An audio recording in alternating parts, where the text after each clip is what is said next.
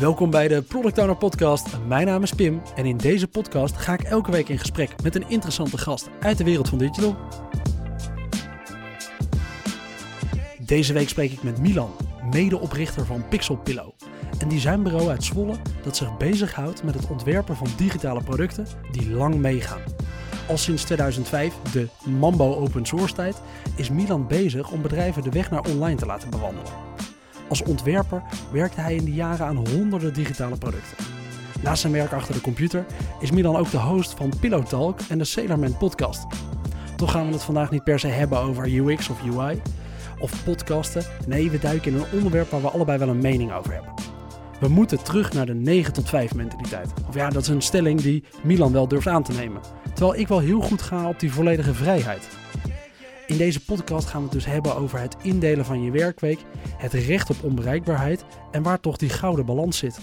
Milan, super tof dat je vandaag bent aangeschoven in Breda. Ja, bedankt dat ik langs uh, mocht komen. Ja, hey, als je je werk toch leuk vindt, dan werk je nooit te veel. Gaan we zo beginnen? nee, dat, uh, dat is zeker waar. Dat is, uh, ja, dat is de nuance die in, in de 9 tot 5 mentaliteit zit.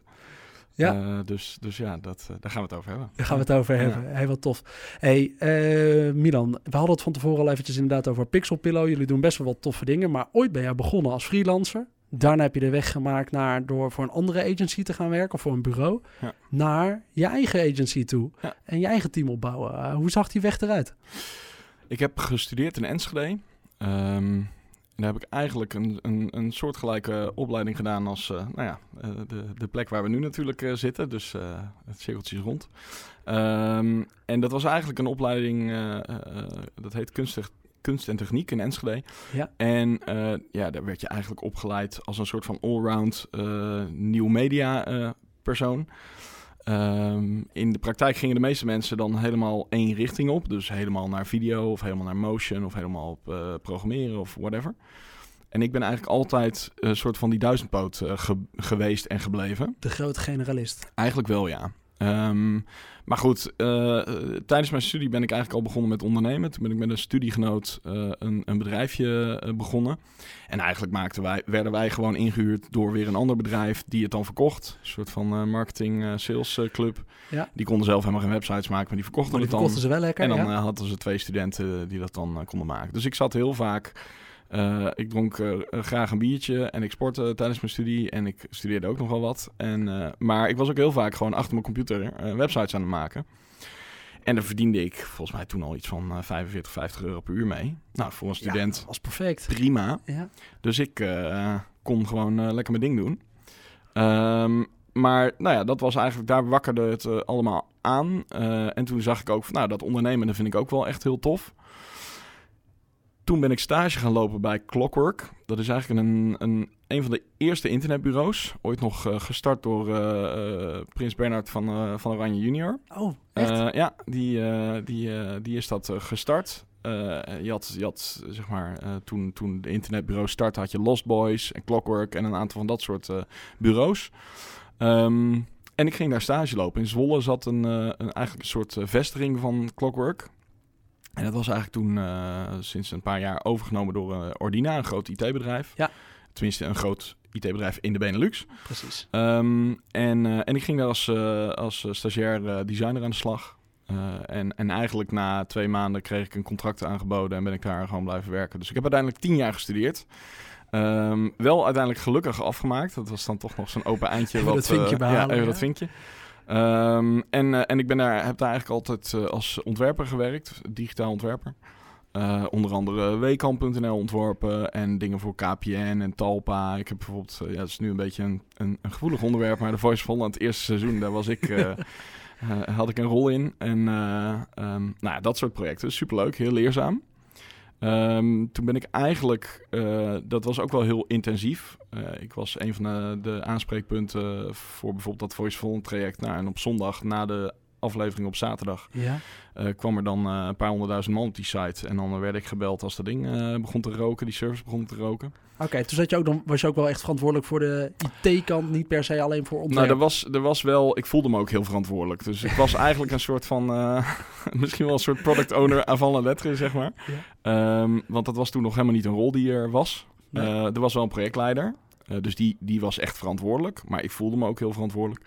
Ehm, ja, dus en, en ja, eh, ze belde dan eh, in eerste instantie mij eh, als, als daar iets eh, niet goed ging. Ja. Ehm nou, het was heel leerzaam, maar op een gegeven moment was ik daar wel een beetje, eh, een beetje klaar. Toen ben ik voor mezelf begonnen eh, als freelancer. Lekker Eh, weer aan de slag als freelancer. Ja. Jij denkt weer ultieme vrijheid. Ja, zeker. En dat, eh, dat was, ook, eh, was ook echt wel een, eh, een, een, een fijne stap. Daar was ik ook wel blij mee. Volgens mij ben ik in 2011 of iets dergelijks voor mezelf begonnen. Ja. Ehm, maar toen merkte ik dat ik zat op een kantoor en eh, nou, het was toch wel een vrij... Ik voelde me wel een beetje een eh, soldier for hire, zeg maar. Dus het was wel een beetje... Ja, ik miste wel aanspraak van collega's en dat soort dingen. Ja. Dus eigenlijk heb ik dat eh, anderhalf jaar gedaan. Merkte je Eh. dat je meer ging werken toen je freelancer werd? Nee. Of ging je minder werken? Nee, Wat voor een freelancer was je? Nou ja, dat is dus grappig. Ik, eh, daar, daar zit het denk ik ook wel een beetje in. Ehm, ik had me, ik denk dat ik, ik weet niet of ik een burn-out heb gehad. Ik denk het net niet. Ik denk dat ik hem net heb eh, ontweken. Ja. Maar die periode bij de Voice of Holland, met die druk van elk weekend de mogelijkheid dat, dat, dat heel veel mensen naar een wit scherm zaten te kijken omdat jij voor je gevoel iets niet op orde had. dat gaf mij wel enige stress. Ja, En, ik. eh, en ik ben niet heel stressgevoelig, maar dat gaf mij wel stress. En ehm, eh, dus, dus nou ja, in ieder geval was dat een periode, een druk periode, hectische periode. Eh, en ik dacht ook wel van, nou, ik geniet er ook wel even van dat het... eh, ik werkte bijvoorbeeld voor de Raad voor de Rechtspraak in Utrecht... eh, aan een opdracht voor een eh, intranet eh, wat, wat zij ontwikkelde. Daar was ik dan de, de UX eh, UI designer. Ehm, maar dan vond ik het ook wel prima als ik dan twee dagen in de week daar niet was. Nou, dan kon ik ook heel, heel rustig gewoon uitgebreid gaan lunchen en me niet helemaal eh, over de kop werken. ja, weet je, als Geen freelancer voel je in één keer eh, dat elk uur wat je extra maakt ook een euro extra op de bank is. Ja. En eh, je hebt denk ik een paar verschillende freelancers daarin. Je hebt daarin de mensen die inderdaad bedenken... oké, ik ga gewoon blokken voor het leven. Want eh, ja, eerst werkte ik voor een baas en ik kreeg elke maand eh, 4000 euro. Maar als ik nu even doorzet, dan heb ik deze maand in één keer 7000 euro.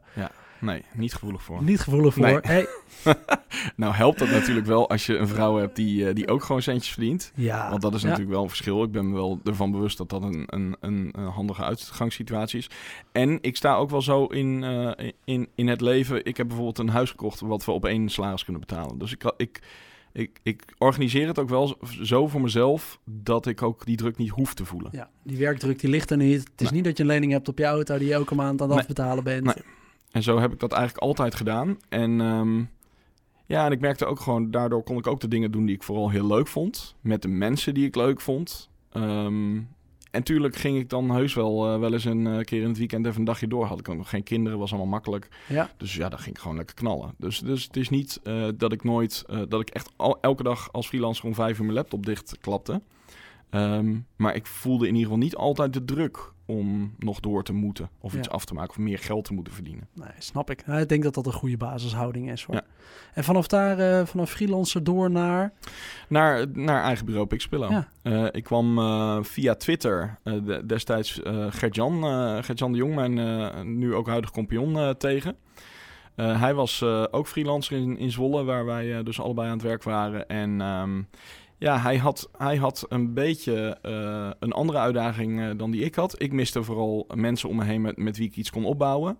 Eh, hij werkte al negen jaar voor zichzelf als, als echt vooral ontwerper. Echt van, van huis uit grafisch ontwerper en later ook digitaal ontwerper. En hij miste een beetje de commerciële skills. Dus, dus hij deed wel gewoon, hij had zijn agenda altijd wel gevuld. Maar de wat grotere opdrachten, de eigen grotere klanten, die Ja. miste hij een beetje. Die kwamen niet zomaar aanlopen. Daar moest Nee. je toch altijd even achteraan. Ja. ja. En, eh, en, en toen zeiden we, nou ja, dat, dat, dat had ik eh, wat meer, zeg maar, eh, dat ik daar wat makkelijker aan klanten kwam. En ik vond hem gewoon een veel betere ontwerper dan dat ik was. Zeker grafisch gezien, visueel. Ehm, dus toen zeiden we, nou ja, volgens mij kunnen we dat ook wel combineren. Als we dat met z'n tweeën gaan doen, is dat, is dat misschien wel een leuk idee. En zo is Pixelpillow ontstaan. Ja. En inmiddels eh, zijn we met z'n negenen. We zijn nog eh, wel eh, de- nu weer iets aan het groeien. Dus we dus hopen deze zo met z'n twaalf te zitten. En we hebben er een compagnon bij. Joël. meer voor de technische ja, hij is echt de technische man. De technische man. Ja, daarachter die twee ontwerpers was het toch ook wel handig om een beetje Nou ja, extra technische kennis Nou, in huis te we, hebben. we, we deden ook al wel altijd een beetje techniek, maar we focusten heel erg, heel erg op ontwerp. Eh, dus van die negen mensen zijn, eh, zijn in principe drie ontwerpers en de rest technisch. Dus het is niet zo dat we alleen maar ontwerpen. Alleen dat is wel ons onderscheidend vermogen. Ja, precies. Want jullie, eh eventjes een kleine uiteenzetting. Pixel Mhm. Pillow, die focust echt op de ontwerpfase van producten. En eigenlijk draag je hem weer over op het moment dat de volledige bouwfase in wordt gegaan.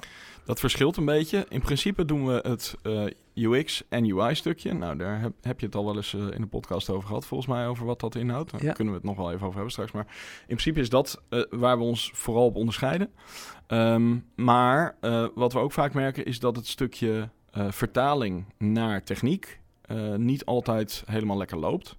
Eh, dus in die termen kun je dan praten van frontend en backend. Eh, ik weet niet of. eh, nou, je, je hebt zeg maar, ik zeg altijd, eh, iets moet visueel vertaald worden naar techniek. Dat is dan wat we vanuit vroeger HTML, CSS, de, Ja. die termen gebruikten we dan eerder. Nu zeggen mensen vaak frontend. En het motortje wat de logica faciliteert aan de achterkant, is dan de backend. En tegenwoordig zijn die dingen ook eigenlijk ontkoppeld. Dus, dus eigenlijk zijn die twee dingen steeds meer eh, geïsoleerd. Ja, zijn gescheiden werelden echt. Ja, eigenlijk wel. Dat was vroeger helemaal niet zo. Dus dan zat dat helemaal in elkaar vervlochten. Ehm, wat er dus ook voor zorgde dat die, die, dat die monster van een eh, webapplicatie eh, door vooral de techneuten gemaakt werd. Ja, het is Eh, logisch dat dit hier uitkomt, want zo ziet het er in de database uit. Exact. En, en wij zijn dus wel ook bezig met hoe die frontend eh, tot stand komt. Ehm, omdat gewoon, ja, wij, wij bouwen dan eigenlijk een soort blokkendoos eh, waarin we ons ontwerp vertalen naar die blokken. En ehm, we kunnen dat ook realiseren, maar vaak werken we met partijen, andere eh backend partijen of eh, development teams bij klanten zelf. Die dat dan oppakken, die blokkendoos, en gebruiken om een, product van te bouwen. Tof. Ja. Kun je je UX en UI iteratief doen? Of je UX en UI iteratief kan doen. Ja. Dat is een goede vraag, ook wel een moeilijke, want dan moet je hem toch een beetje uit elkaar trekken.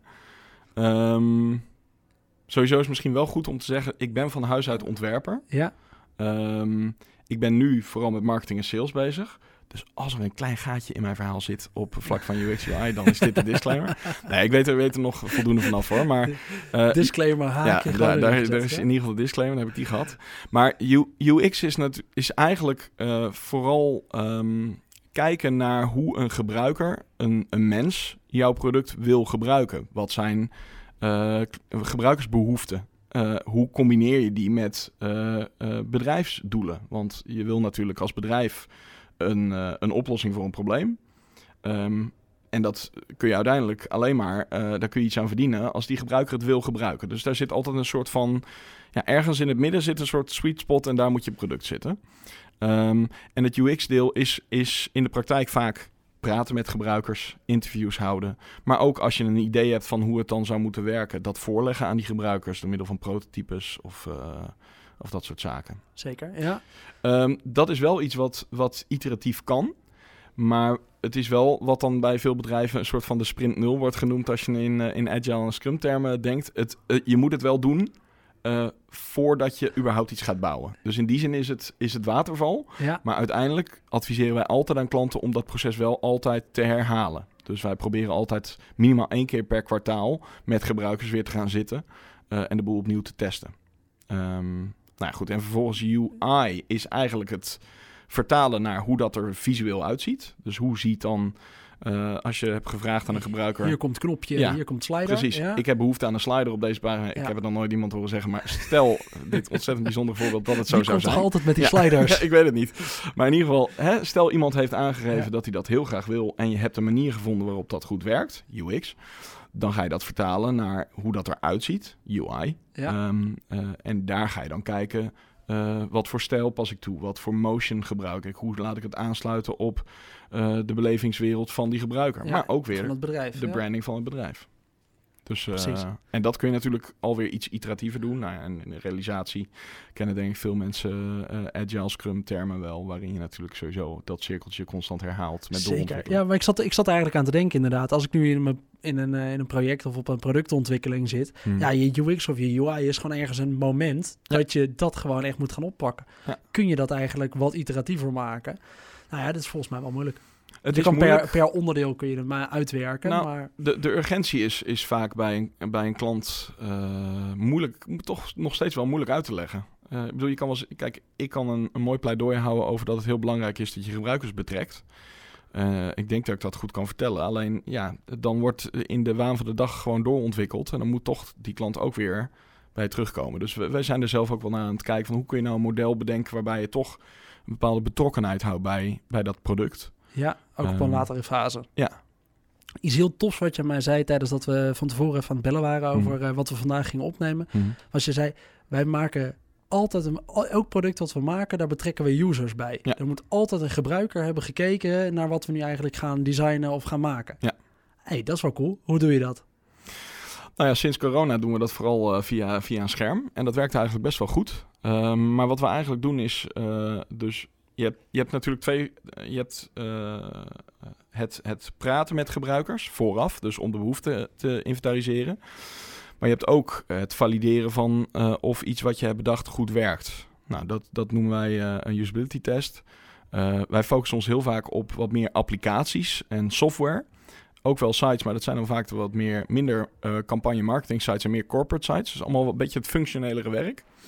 Eh, dus wij kijken ook vooral naar ehm, eh, eh, wat zijn nou de belangrijkste taken die iemand moet uitvoeren. Dus wij kiezen vaak drie toptaken uit. Daar maken we een scenario van hoe, hoe we hopen dat mensen dat ehm, gaan bereiken. Of nou niet de route, maar wel zo van proberen eens iets af te rekenen. ja, ja. probeer een taak, Taak te volbrengen. voltooien. Ja, precies. Ehm, en dat gaan we dan eh, eh, met mensen, eh, daar gaan we met mensen doorheen lopen. Ze zeggen, nou, dit is een webshop, ik zeg maar wat. Bestel, de, de roze, bestel een roze helm, ik zeg maar Ja. wat. Goed Doe voor dan. Goed Ja, voor het. ja. Ehm, dus, dus ja, en, en dan zie je along the way waar mensen tegenaan lopen. Je gaat gewoon letterlijk meekijken en vragen van, nou, wat, wat vind je hiervan? Eh, eh, hoe ervaar je dit? Eh, en loop je tegen dingen aan? Soms zie je dat mensen ergens tegenaan lopen, soms zie je het niet en dan moet je het even vragen. Eh, dus dat is, dat is echt ontzettend waardevol. En zo kun je natuurlijk een product maken waarvan je vooraf al veel beter kan inschatten of het ook echt gaat werken.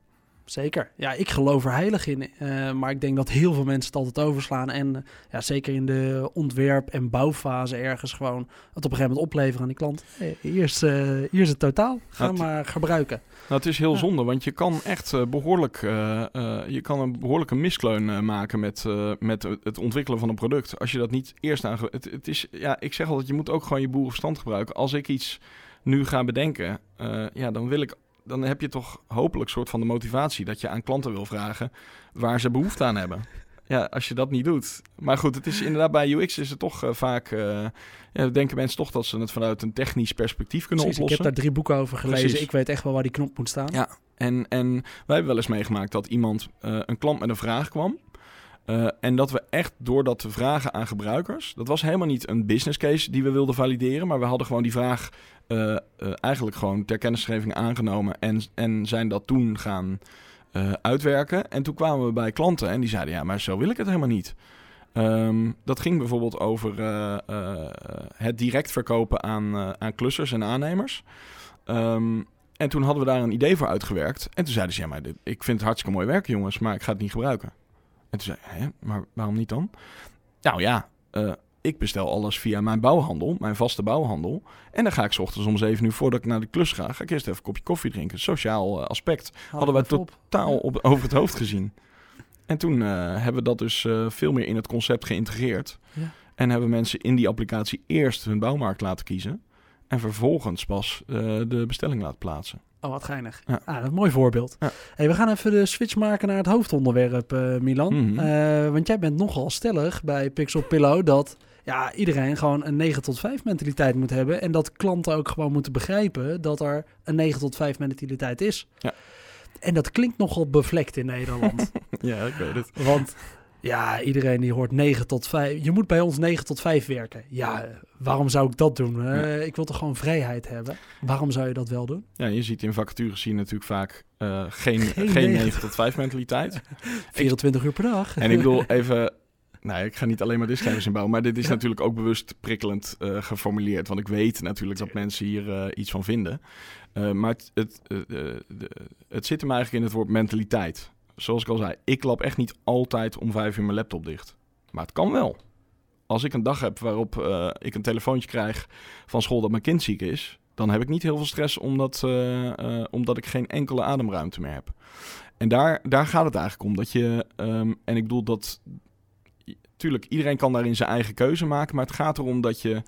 Um, dat je niet de, in, een, in een tijd waarin stress. Uh, volgens mij. Uh, er zijn nog nooit zoveel burn-outs geweest. Uh, en volgens mij neemt het alleen maar toe.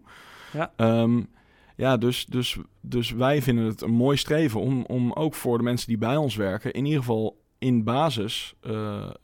een soort van cultuur neer te zetten.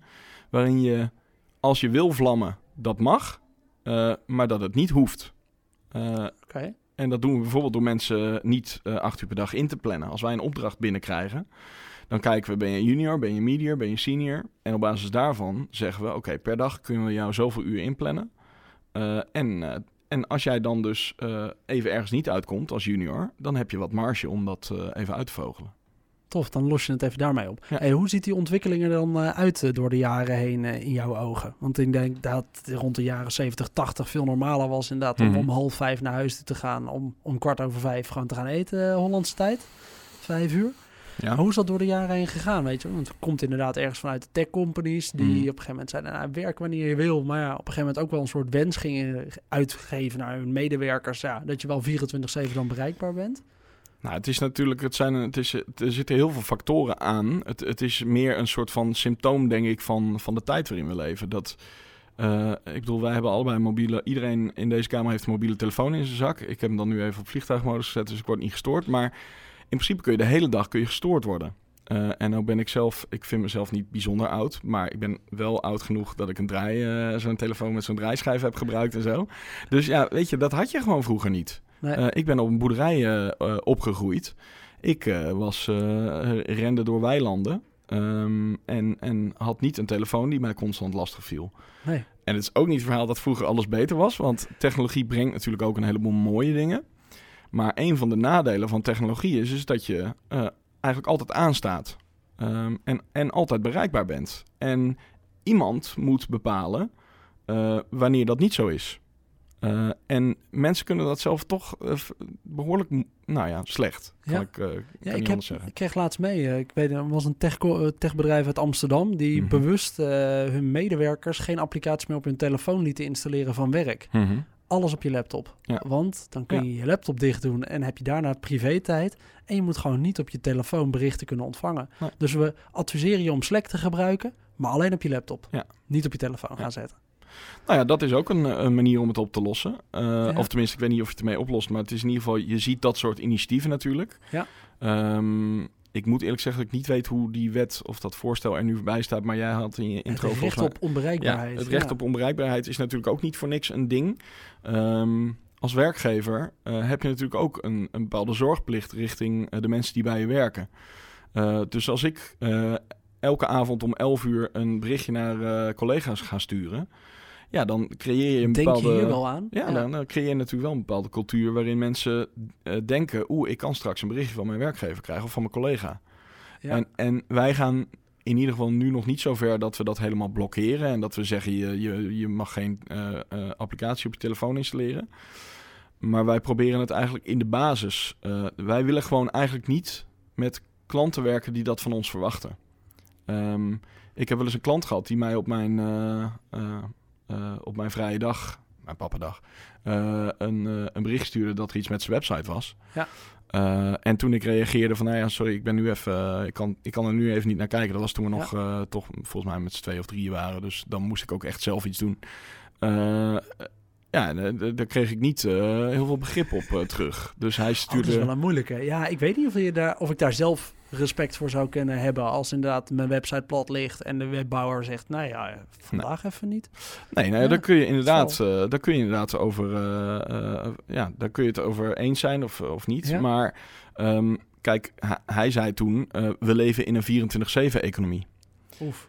en toen dacht ik, ja, maar daar betaal je niet voor. Dus ik bedoel, wij, wij willen best eh, eh, wel dan de telefoon opnemen. Ja, maar dan dan moet zit je je SLA betalen. eruit. Ja. Dan heb je een SLA. En dat vinden wij niet gek. Maar als een klant dat wel gek vindt, dan weten wij over het algemeen genoeg.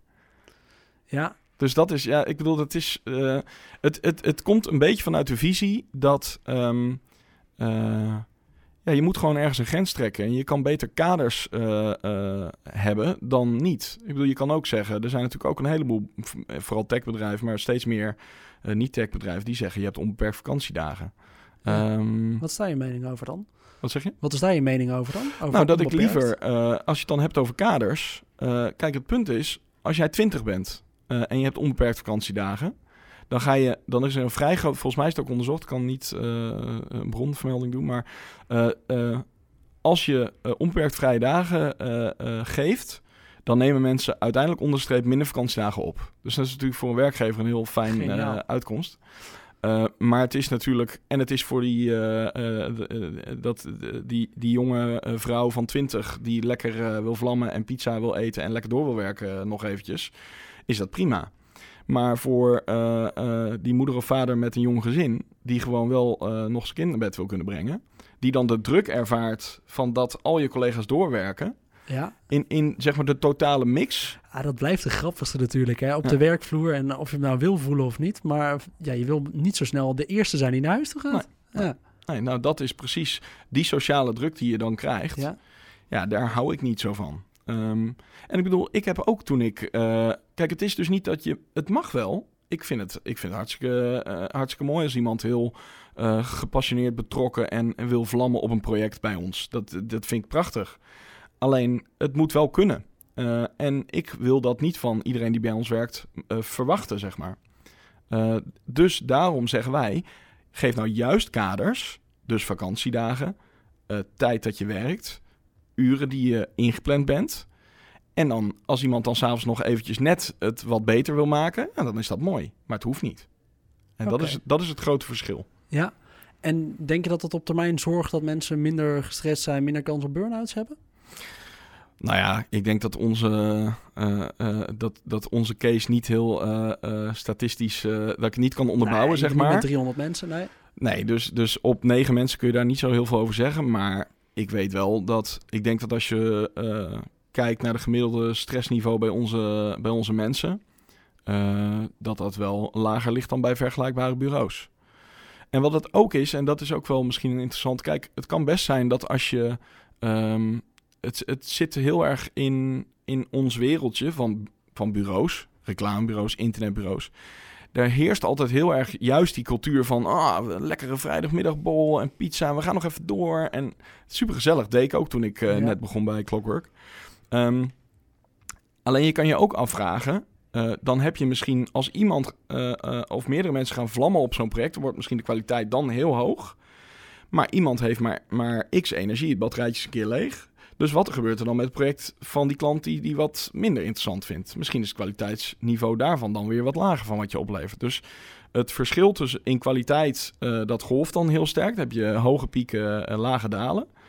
En wij hopen dat we zeg maar een soort van, daar zit altijd wat variatie in. Ja, consistentie kunnen Maar creëren ja, door ook consistentie in tijd en werk te geven. En in basis een hoger eh, basisniveau kunnen opleveren dan dat je altijd moet pieken, met pieken en dalen werkt. Wat geinig. Ja. Dus, dus dat, is, dat is wel. En ik bedoel, het is voor ons ook. eh, kijk, het is ons. Zo, zo kijken we er tegenaan. Eh, wat ik zeg, we, we, blokke- we, we hebben niet hele strikte regels ervoor of zo, maar het is echt onze cultuur. Ja. Ehm, Eh, wij leven in het bedrijf eh productowner.nl. Daar zitten we gewoon echt juist in een hele cultuur met ja, geen regels. Nee. Fix het Ja, zelf, ja. weet je wel. Ja. Als jij met je klant geregeld hebt dat je elke woensdag om drie uur stopt, dan stop je elke woensdag om drie uur. En als jij op vakantie wil, dan ga je op vakantie. Ehm, maar ik denk inderdaad, eh, als, ik hem, als ik hem voor mezelf uiteenzet, dat ik wel door onbeperkt vakantiedagen te hebben, voorzichtiger ben met vakantiedagen opnemen. Ik weet niet hoe het komt. Ik weet niet hoe het mentale spelletje werkt. Ik denk dat we daar vast nog eens een keertje iemand over hier in de podcast kunnen Ja. zetten. Maar ja, serieus, ja, Ja. je voelt inderdaad... eh, ik denk dan, oh, dan ga ik twee weken vrij nemen. Oké, kan ik dan twee weken vrij gaan nemen? Komt misschien ook wel omdat ik voorheen freelancer ben Mhm. geweest. Als freelancer is vakantie nemen echt nog even een stukje spannender. Want dan stopt je inkomstenbron. Ja. En dat ga je dan een maand later ga je dan in één Precies. keer merken dat je minder hebt gefactureerd die maand ervoor. Ja. Dus daar komt het ook nog wel vandaan. Hè? Nou, nu werk ik voor een werkgever. Zou ik in principe gewoon doorbetaald krijgen in mijn vakantie. Maar ergens ben ik best wel voorzichtig met die vakantiedagen opnemen. Ehm, maar, maar als ik er 24 zou zien staan en een ander bedrijf zegt 30, dan Hmm. ga je daar wel weer in één keer naar kijken. Maar het is dus niet zo dat wij... Het zijn kaders Ja. om mensen eh, eh, nou, een, soort van, eh, een soort van baseline te geven, een soort richting te geven. Ja. Maar we hebben bijvoorbeeld ook een collega, die heeft een eh, jong gezin. En die is, voordat hij bij ons kwam werken, is hij met zo'n zelf omgebouwde eh, bus door Europa gegaan. En nu heeft hij, dat was nog met één kind, en nu heeft hij een tweede kindje erbij. En hij vindt het heel leuk om nog met die bus, voordat hij die weer doorverkoopt, met het hele gezin nog even een keertje op pad te gaan. Dan gaat hij niet een, een half jaar of een jaar, maar hij heeft dus gevraagd, kan ik drie maanden weg? Nou, dat is, niet, dat is ja. niet per se heel handig voor ons. Nee. Maar ik snap het gewoon. Ja, je moet het En- faciliteren. En dat, en dat kan gewoon. Dus het is niet zo dat we heel erg strikt op de regeltjes zijn en heel erg dat het een beperking is. Ja. Maar het is meer een soort van een, een, een, een, een eh, startpunt Ja. waar je vanuit vertrekt. Hoe zie je hier eigenlijk de invloed op van... Ja, weet je, ik denk dat dat in de afgelopen 10, 15 jaar echt wel een omslag heeft gehad. Vroeger moest je als medewerker je best doen om een baan te krijgen. Mhm. Tegenwoordig moet je als werkgever je best doen om een werknemer te krijgen. Ja. Wat is de invloed daarvan eh, op wat er nu hier allemaal in speelt? Nou ja, ik kan alleen maar zeggen, we zijn nu op zoek naar een designer. We hebben vier eh, designers op gesprek gehad eh, die behoorlijk eh, eh, senior zijn. Ja. En alle vier willen ze bij ons werken. Dus ik denk dat die cultuur, eh, of het dan helemaal dat 9 tot 5 eh, verhaal is, dat, dat weet ik natuurlijk niet. Nee. Het kan, ik denk ook gewoon dat het nou, het type werk is. Maar het is wel, er zijn best wel veel mensen die bij ons binnenkomen op ons kantoor. En die hebben gezegd van, oh, een goede vibe of zo. Weet Ja. je? Het is geen, eh, niet alleen maar hectisch, wel energiek. Maar ja, dus ik denk dat het toch uiteindelijk ook voor, voor inderdaad je, voor het stukje arbeidsmarktverhaal, verhaal, dus of je mensen kan vinden, Ja. dat, het, dat het wel in ons voordeel werkt. Ja, en je moet als werkgever nu gewoon iets verzinnen om, eh, om je medewerkers daarin tevreden te stellen. En ik Ja. merk juist inderdaad dat door, door te zeggen, we hebben geen regels. Het enige wat je moet doen is wat uren registreren op je dag. Maar ja, anders is het ook niet heel Nee, handig als je dat niet nee. doet. Ja, en de rest zoek je echt maar lekker uit. Ja. Ehm, je kan zelf prima inschatten hoe, je, hoe jij werkt en hoe je lekker werkt. Ja.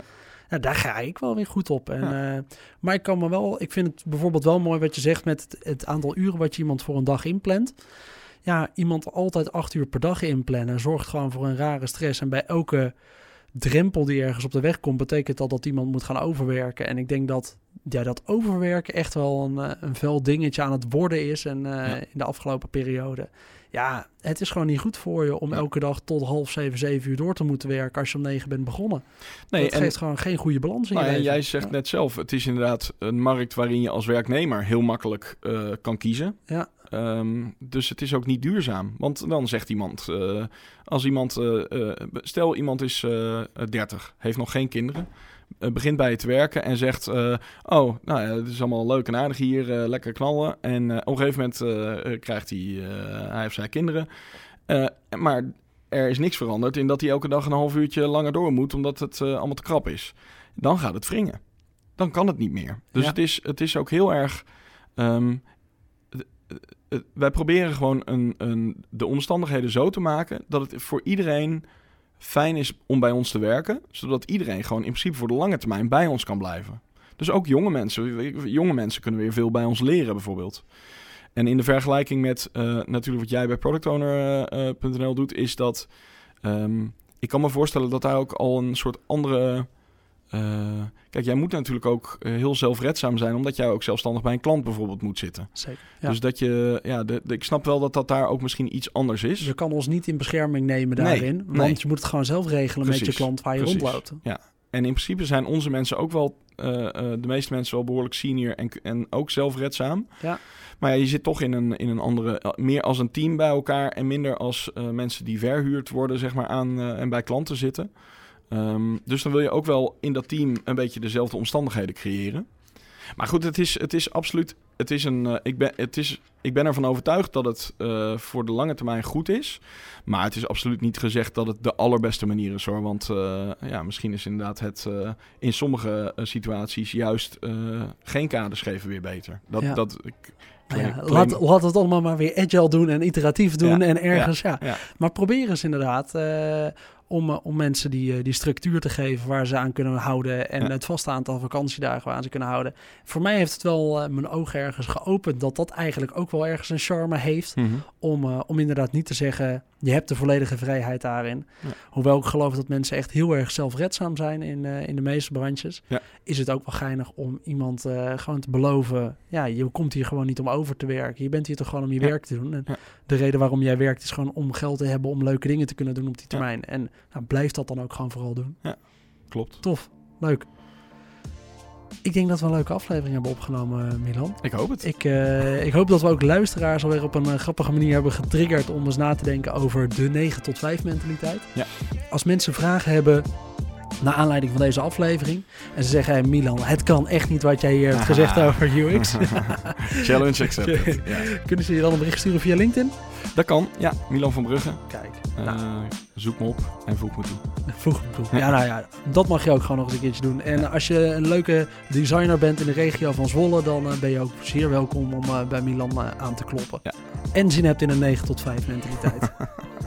zeker, zeker. Dan bedank ik iedereen weer voor het luisteren naar deze aflevering. Ik hoop dat je het weer een toffe aflevering vond en de volgende keer weer luistert. Ben je nou benieuwd naar de andere afleveringen? Kijk dan even op productowner.nl slash podcast of op het podcastplatform waar je nu mee bezig bent. Dan wil ik nog eventjes de Huppe Studio bedanken hier van de Breda University en de studenten die ons hebben geholpen met de opname. Dat heeft weer een hele toffe aflevering gedaan. Ehm, en heb je nou nog vragen aan mij rondom deze aflevering? En heb je een leuk idee voor een ander onderwerp van een nieuwe aflevering? Ook dan kun je mij eventjes een berichtje sturen via LinkedIn of op pim.productowner.nl. Dan hoop ik dat je de volgende keer weer luistert. Tot dan!